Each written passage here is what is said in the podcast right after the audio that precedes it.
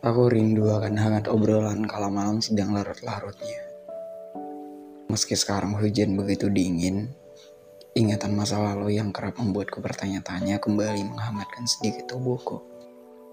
Pertanyaan tentang kenapa kita harus berakhir, padahal purnama masih merindukan ucapan selamat malam. Aku rindu pada banyak hal yang dulu pernah kita tertawakan berdua kita seakan hanyut pada setiap kata untuk memenjarakan perasaan pada nyaman masing-masingnya. Bahkan dulu aku rasa berpisah tidak akan terjadi karena aku pikir saling cinta mampu mempertahankan hubungan ini. Tapi takdir berkata lain.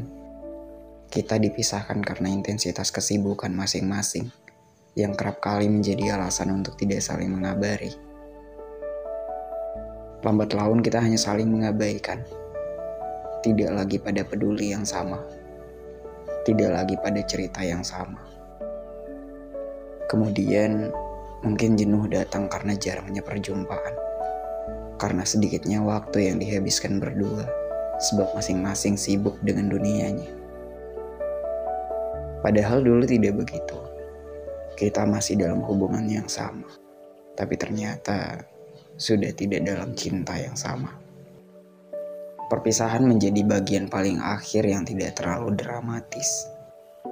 Kita berpisah dengan berkata bahwa sebaiknya kita tuntaskan dulu kesibukan diri masing-masing.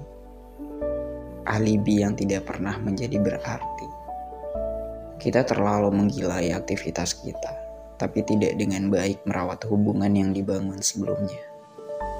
Kita kecil dalam pemikiran, hanya dewasa karena umur tapi yang lalu telah usai. Sedangkan yang sekarang seharusnya baru saja mulai.